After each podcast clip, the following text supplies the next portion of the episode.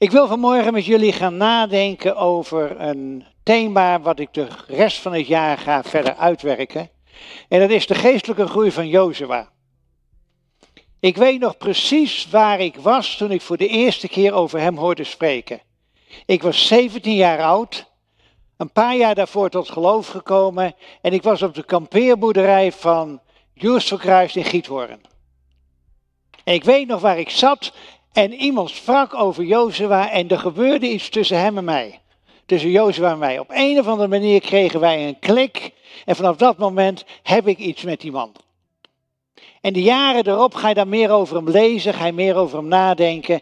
En uiteindelijk toen ik trouwde was mijn trouwtekst, ik en mijn huis, wij zullen de Here dienen. De tekst die Jozua aan het eind van zijn leven proclameerde.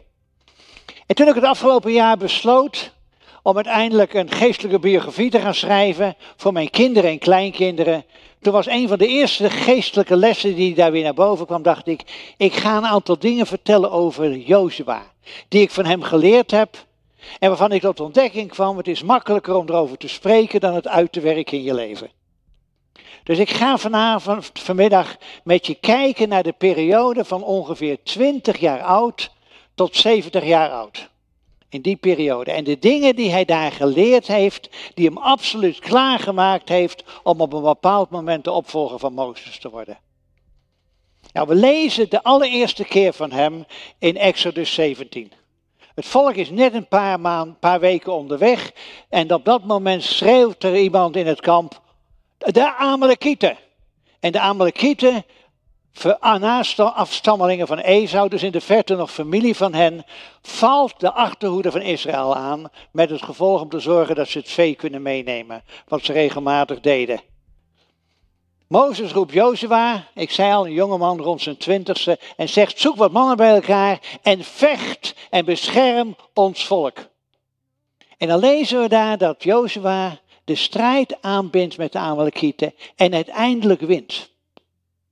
Maar hij leert tegelijkertijd een enorme geestelijke les. En de geestelijke les is deze. Hij was nooit in staat om menselijk gesproken die overwinning te behalen. Zijn leger bestond uit een groep mannen die hun leven lang slaaf waren geweest. Die stenen konden sjouwen. En die vochten tegen een leger van Amalekieten die niets anders deden dan elk jaar opnieuw rooftochten doen en oorlog voeren. Dus die waren dat gewend. En de reden dat hij toch de overwinning behaalde is omdat er op een andere plek ook oorlog werd gevoerd. Een geestelijke oorlog. Want terwijl Jozua in het dal bezig was, zat, stond daar boven op de berg, stond Mozes. En Mozes stond er met geheven handen, een teken van gebed, een teken van onafhankelijkheid. En hij stond daar om te bidden en de God te smeken, God, geef de overwinning. En de Bijbel zegt, zolang zijn armen omhoog waren, was er overwinning. En zodra de armen zakten, had de Amalekieten de overhand. En dan lezen we op een gegeven moment als Mozes moe wordt, dat ze een steen neerleggen, dan gaat hij op een steen zitten. Aaron en Hur die bij hem zijn ondersteunen zijn armen. En dan staat er dit zinnetje. Zo versloeg Jozua het leger van de Amalek tot de laatste man. Hoe versloeg hij uiteindelijk Amalek? Hij versloeg Amalek uiteindelijk, en ik denk dat een van de basisleerlingen is, hij versloeg die uiteindelijk doordat God de overwinning gaf. En ik denk dat de jaren daarop hij elke opnieuw daaraan neer heeft moeten denken. God geeft overwinning in antwoord op gebed. Nou, we zijn aan het begin van het nieuwe seizoen. Wie van jullie is net als ik een doener? Wie van jullie is net een doener? Nou, dat zijn de goeie. Ja, dat zie je. En die doeners die hebben gewoon de zin om heel veel dingen te doen. En nou is doen niet verkeerd, want Jozua moest wel strijden. Er moest wel een overwinning behaald worden. Maar uiteindelijk is het goed, ook als je een doe-het-zelf bent, om je te realiseren, ja heer, ik ben een doe-het-zelf, maar de overwinning komt van u. Dus wat is mooier om elke dag op te staan en te zeggen, heer, hier ben ik, een nieuwe dag het van u ontvangen, wilt u mij deze dag leiden? In Deuteronomium staat deze tekst. Zeg niet bij uzelf, mijn kracht en de sterkte mijn hand heeft mij dit vermogen verworven. Maar gij zult de Heere uw God denken, u zult aan de Heer uw God denken, want Hij is het die u kracht geeft om het vermogen te verwerven. En Hij is degene die je kracht geeft om te doen wat God van je vraagt. Mooi gedachte. De generaal die moet leren dat de overwinning niet komt van zijn eigen deskundigheid, van zijn eigen kracht, maar uiteindelijk van de Heer. Maar hij was niet alleen een generaal. Het tweede wat we overlezen is dat er wordt gesproken, Jozua, de dienaar van Mozes. Hij was ook een dienaar. En we zien heel vaak in de Bijbel dat grote mannen Gods die gebruikt worden, beginnen als dienaar. Samuel, de grote profeet, begon als een dienaar van Eli. Dienen. En dienen is omdat ik denk dat het een belangrijk aspect is, want wij zijn als mensen geroepen om te dienen. Om God te dienen en om onze medemensen te dienen. Als Jezus aan het eind van zijn leven komt, dan ziet hij op een gegeven moment op een bepaald moment rond het avondmaal dat er een concurrentiestrijd ontstaat van wie mag de eerste zijn. En dan zegt Jezus tegen hen, koningen der volken voeren heerschappij en machthebbers worden weldoeners genoemd, maar gij niet alzo, want de oudste onder u zal zich gedragen als de jongste en wie leiding geeft moet zo zijn als iemand die dient. Nou, wat is een kenmerk van dienaar? Een kenmerk van dienaar is dat hij een dienende houding heeft en dat hij daarin trouw is. En dat zien we ook in het leven van Jozua. Op een gegeven moment zegt God tegen Mozes: Ik wil dat je de berg opkomt, want ik wil je een aantal richtlijnen voor het volk geven. De tien geboden. En alle omschrift, allerlei andere aanwijzingen daaromheen. En dan zien we dat Mozes de berg op gaat en daar veertig dagen bij God is. En na verloop van tijd zegt het volk, die komt nooit meer terug. Laten wij maar zorgen dat we een eigen God hebben en er ontstaat een, een gouden kalf. Maar ergens halverwege die berg, weet je wie daar zit? Jozua. Hoe weet ik dat? Omdat later, als uiteindelijk het volk terugkeert, Jozua niet weet wat er gemeden in het dal gebeurt. Dus Jozua wacht tien dagen, twintig dagen, dan is de vakantie ongeveer wel voorbij. 21 dagen, 30 dagen. Hij wacht daar 40 dagen op de terugkomst van Mozes. Dat is denk ik heel belangrijk. Ik denk dat het zo belangrijk is dat als je een dienaar bent, dan ben je trouw. Trouw aan de opdracht en trouw aan die persoon. En zo mogen wij trouw zijn aan de opdracht die God ons geeft. Om zijn koninkrijk te bouwen op de plek waar we gesteld zijn. We mogen trouw zijn aan de mensen die God aan ons gegeven heeft, ook in deze gemeenschap. Maar we mogen ook trouw zijn aan Hem. Die ons soms op wegen brengt die we niet snappen. Ken je dat? Dat je denkt, Heer, volgens mij hadden we dit niet afgesproken. Volgens mij hadden dingen toch anders zullen gaan. Wat gebeurt hier nou eigenlijk met mij? Ik zal er straks even weer in mijn vakantie iets over vertellen. In 1 Korinthe 4 staat dit. Men moet ons beschouwen als dienaren van Christus, aan wie het beheer over de geheimenissen van God zijn toevertrouwd. Van iemand die deze taak vervult, wordt verlangd dat hij betrouwbaar is. We moeten trouw zijn als dienaar, maar ook betrouwbaar zijn. Dat wil zeggen dat onze ja is ja en onze nee is nee. Dat we er op mensen op ons aan kunnen. Dat is een betrouwbaar iemand. Jozef de generaal, Jozef de dienaar. En dan komen we bij het derde aspect waar we vanmorgen eigenlijk veel bij stilgestaan hebben, ook al in de liederen. Jozua de bidder. Want terwijl Mozes zijn, zijn, leven leidde en Jozua op afstand te volgen, heeft hij één ding gezien. Mozes heeft een bijzondere ontmoeting met God. Er is iets bijzonders tussen de manier waarop God en, Jozef, en Mozes elkaar ontmoeten. En dan lezen we dat op een bepaald moment in de geschiedenis dat Mozes een tent neemt, die zet hij buiten de legerplaats, dat noemt hij de tent der samenkomst. En er staat er, ieder die de Heer wil zoeken, gaat naar de tent der samenkomst. Weet wat ik droevig vind? Is dat er niet staat hoeveel mensen er gingen. Er wordt maar gezegd dat er twee mannen gingen. Ik hoop dat er meer zijn gegaan, maar de Bijbel zegt het niet. De Bijbel zegt dat er twee mensen gingen, Mozes en Jozua. En dan staat het op het moment dat Jozua, Mozes, op weg gaat naar de tent, daalt de heerlijkheid van God neer in de tent. Je zou haast kunnen zeggen, God is er al eerder dan Mozes. En dan spreken ze van aangezicht tot aangezicht, zoals je spreekt met een vriend. En dan staat er, en Mozes ging weer weg, terug naar de legerplaats. Maar Jozua, een jonge man, week niet uit de tent.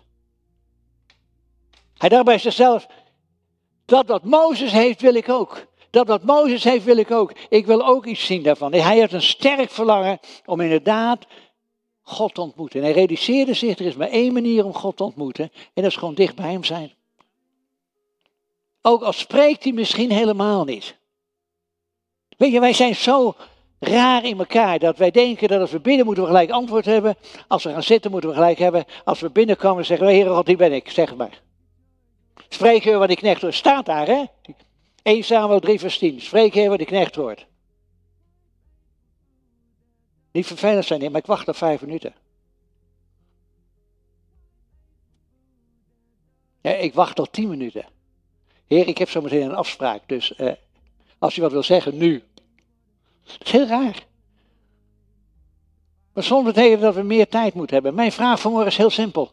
Waar is jouw tent de samenkomst? Waar is jouw plek waar je God kan ontmoeten? Waar is jouw plek dat kan doen? Waar, waar is dat? Een van mijn vrienden vertelt me, mijn plek waar ik God kan ontmoeten is de grote eik, boven in Amerong op de berg.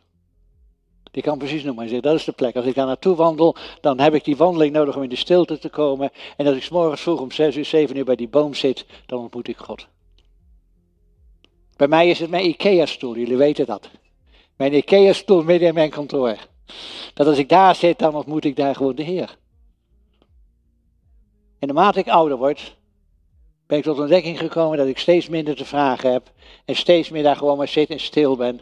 En hem de kans geef om dingen aan mij te vertellen. Dat is denk ik wat er moet gebeuren. In Deuteronomium 17 wordt het verhaal verteld, terwijl het nog niet is, dat in een van die omschrijvingen van wat er allemaal moet gebeuren, wordt omschreven aan welke karaktereigenschappen een koning die in de toekomst zal komen moet voldoen. Die was er nog niet, maar er werd toen al gezegd in Deuteronomium, als er een koning komt moet hij aan deze kenmerken voldoen.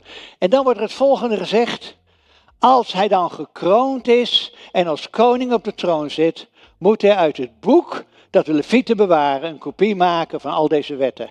Hij moet deze kopie altijd bij zich hebben en er elke dag uit lezen, zijn leven lang. Dan zal hij leren de Heere zijn God te respecteren door al zijn geboden te gehoorzamen en, de, en alles daarin gegeven voorschriften uit te voeren.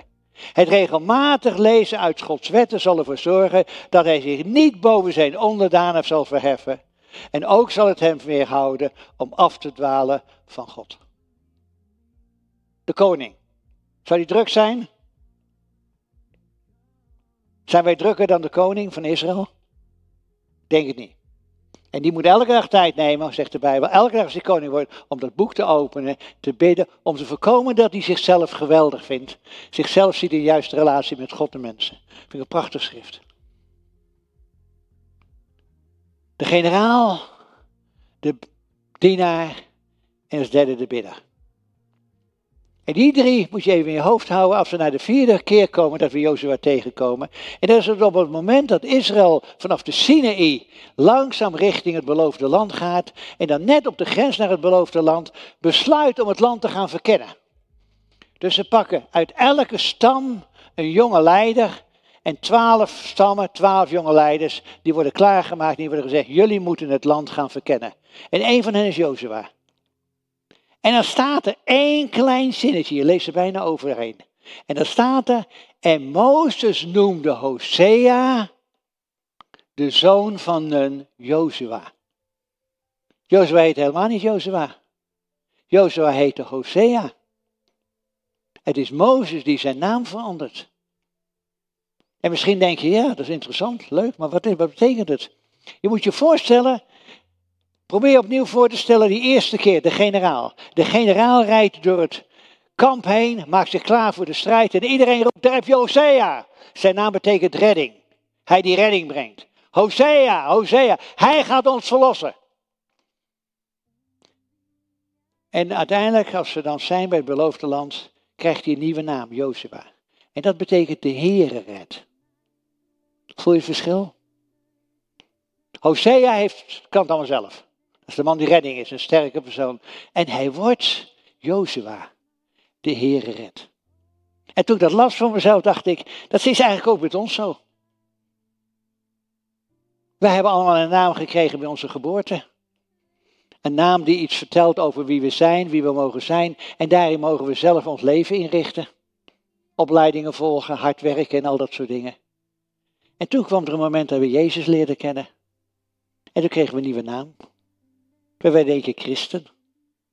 We werden genoemd naar degene die we volgden. We werden genoemd naar degene waar we van hielden. We worden gevolgd van degene die ons leidt. We hebben een nieuwe naam gekregen. Dat is goed om te onthouden. We hebben een nieuwe naam gekregen. En op die manier mogen we dan ook wandelen.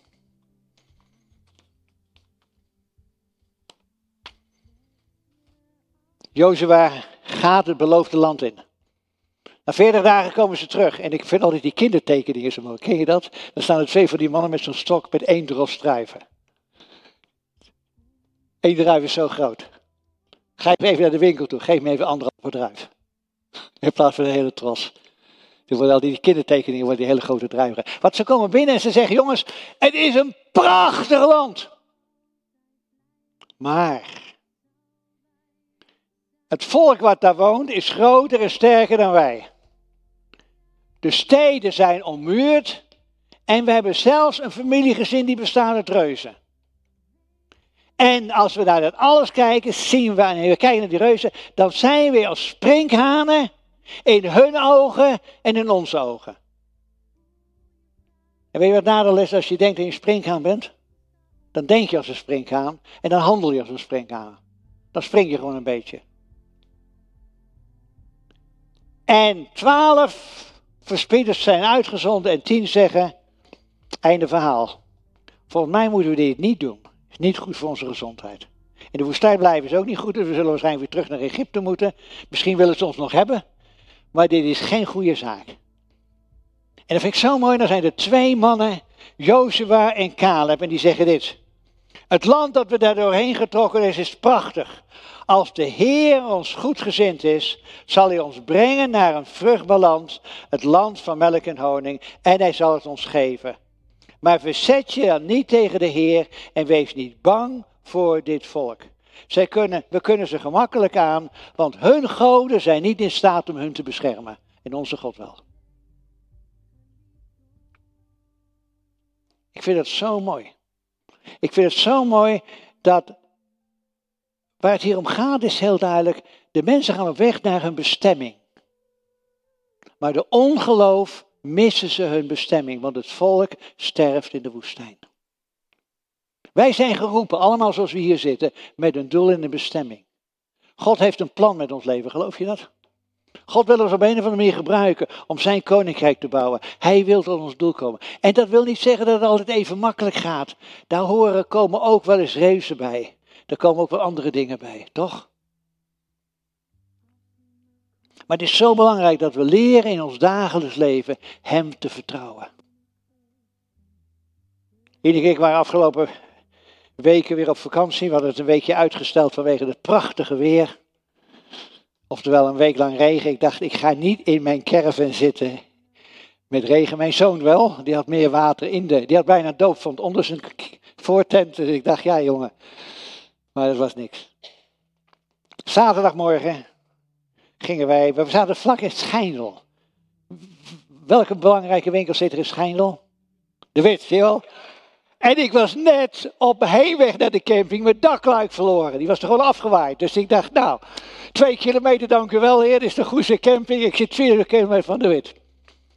Wij rijden richting de Wit en stoppen bij de Aldi. En daar, boem, valt mijn vrouw neer. Epileptische aanval. Uit het niets. En je zit erbij, je kijkt ernaar en denkt, ja, ja, en nu? Gebeden, uh, ik heb één schietsgebed gedaan, daarna roept iedereen 112 bellen, maar niemand belt, dus dat ga ik dan maar zelf doen. Ambulance erbij in het ziekenhuis, een nachtje gebleven. En dan kom je weer terug. En het gekke was, iemand zei tegen mijn verpleegkundige, die, die daar op een gegeven moment bij kwam zitten, u bent wel erg rustig, hè? Ik zeg, ja, ik weet in wie's hand mijn leven van mijn vrouw is. Dat is gewoon zo, dat weet je. En uh, zij terug naar huis. En, en, en toen dacht ik, ja, dit kan gewoon gebeuren. Van het een op het andere dag. Jullie kennen Arie Verduin. Weet jullie dat hij ziek is? Vakantie gehad, komt terug, heeft een bacteriële infectie. En heeft maanden, een aantal weken in het ziekenhuis gelegen. Ligt nu thuis, kan amper bewegen. Heeft een infuus met uh, speciale antibiotica. Moet hij nog een maand hebben. In één keer uit het niets gebeurt het. In één keer ben je bezig, je komt terug van vakantie, je denkt ik ben fit voor het nieuwe seizoen. Het is klaar, het kan gewoon in het leven in één keer gebeuren. We hebben allemaal een idee dat het beloofde land er altijd goed uitziet. Maar er zijn ook dingen die anders gaan. En daar mogen we gewoon op vertrouwen. Dus het gaat gelukkig weer goed met mijn vrouw. Het enige is dat ik drie maanden lang auto mag rijden voor haar. Dus dat mag zij niet meer. Dus ik zei tegen haar, God heeft een plan met mijn leven. God houdt van mij en jij hebt een plan met mijn leven. Oftewel, ik mag je rijden. Dat is niet anders. Maar goed, dat, eh, dat gaat ook wel weer goed. Maar het is heel goed om dat te realiseren, dat het goed gaat. En dan, het laatste keer, dan komt het moment dat hij rond zijn 70 is. Moet je je voorstellen, dat is rond mijn leeftijd. Dan ben je ongeveer uitgerangeerd, toch? En, ik hoor de oudjes al zeggen, nee hè, nee hè. En dat vind ik zo mooi. Dan zegt God, ik wil dat je nu, Mozes mocht het beloofde land niet ingaan, want jij was ook een stuk ouder geworden. Ik wil dat je nu de handen legt op Jozua en hem zegent voor de functie die voor hem ligt. En wat ik dan zo bijzonder vind, is dat er maar één karaktereigenschap van hem omschreven wordt. Er wordt omschreven, Jozua, een man vervuld met de geest. In de andere vertaling staat er letterlijk, staat er Jozua die de kracht van de geest bezat. Jozua geleid door de geest. Dat is het meest belangrijke. Al die andere dingen zijn belangrijk. Om Gods werk uiteindelijk te doen is het zo belangrijk dat we vervuld zijn van de geest. En wanneer hij dan later die functie krijgt, staat er Jozua vervuld van de geest van wijsheid. Als je de geest ontvangt, dan wil hij je wijsheid geven om je te laten zien hoe je in dit leven staande moet blijven. Hoe je gewoon moet leren leven. Dat wil hij je gewoon geven. Ik vond het zo mooi. Jozua vervuld met de geest. En ik geloof dat God ons allemaal wil vervullen met zijn geest. Eigenlijk vanmorgen, de heerlijkheid van God is niets anders dan dat zijn geest in volle door en in ons heen kan werken, toch? Dat we dat uit mogen doen. Als Jozua uiteindelijk aan het eind van zijn leven komt, de tien jaar oud, en er wordt over hem geschreven, dan staat er dit. Jozua, de zoon van een, de dienaar van de Heer. Is dat niet mooi dat dat aan het eind van je leven gezegd kan worden? Jozua, de dienaar van Mozes, wordt Jozua de dienaar van de Heer. Dat is mooi. Dat daarover gezegd kan worden. Ik had een uh, maand geleden een begrafenis van een van onze oudere broeders. En uh, alle kleinkinderen, zeven stuks, kwamen op het podium om iets over opa te zeggen. Dat was heel mooi. En een van hen zei, mijn opa is een godsman. Een knul van 17. Dat is mooi, als je dat krijgt te horen. Mijn opa is een godsman. Dan denk ik, Heer, dank u wel voor alles wat hij in zijn leven gedaan heeft. Dat is mooi. Ik wil eindigen met de woorden die Mozes aan Jozua meegeeft. Die wil ik je meegeven aan het begin van het nieuwe seizoen. Wees vastberaden en standvastig. De Heer zelfs gaat voor u uit. Hij zal u bijstaan en geen moment van uw zijde wijken. Wees niet bang en laat u door niets ontmoedigen. Wat ook gaat gebeuren de komende maand. Laat u door niets ontmoedigen. Nogmaals wat ik al zei. Wij weten niet hoe het komende seizoen eruit gaat zien. We weten heel weinig daarvan. We weten wel dat de Heer erbij is. In alles wat er gebeurt. Amen.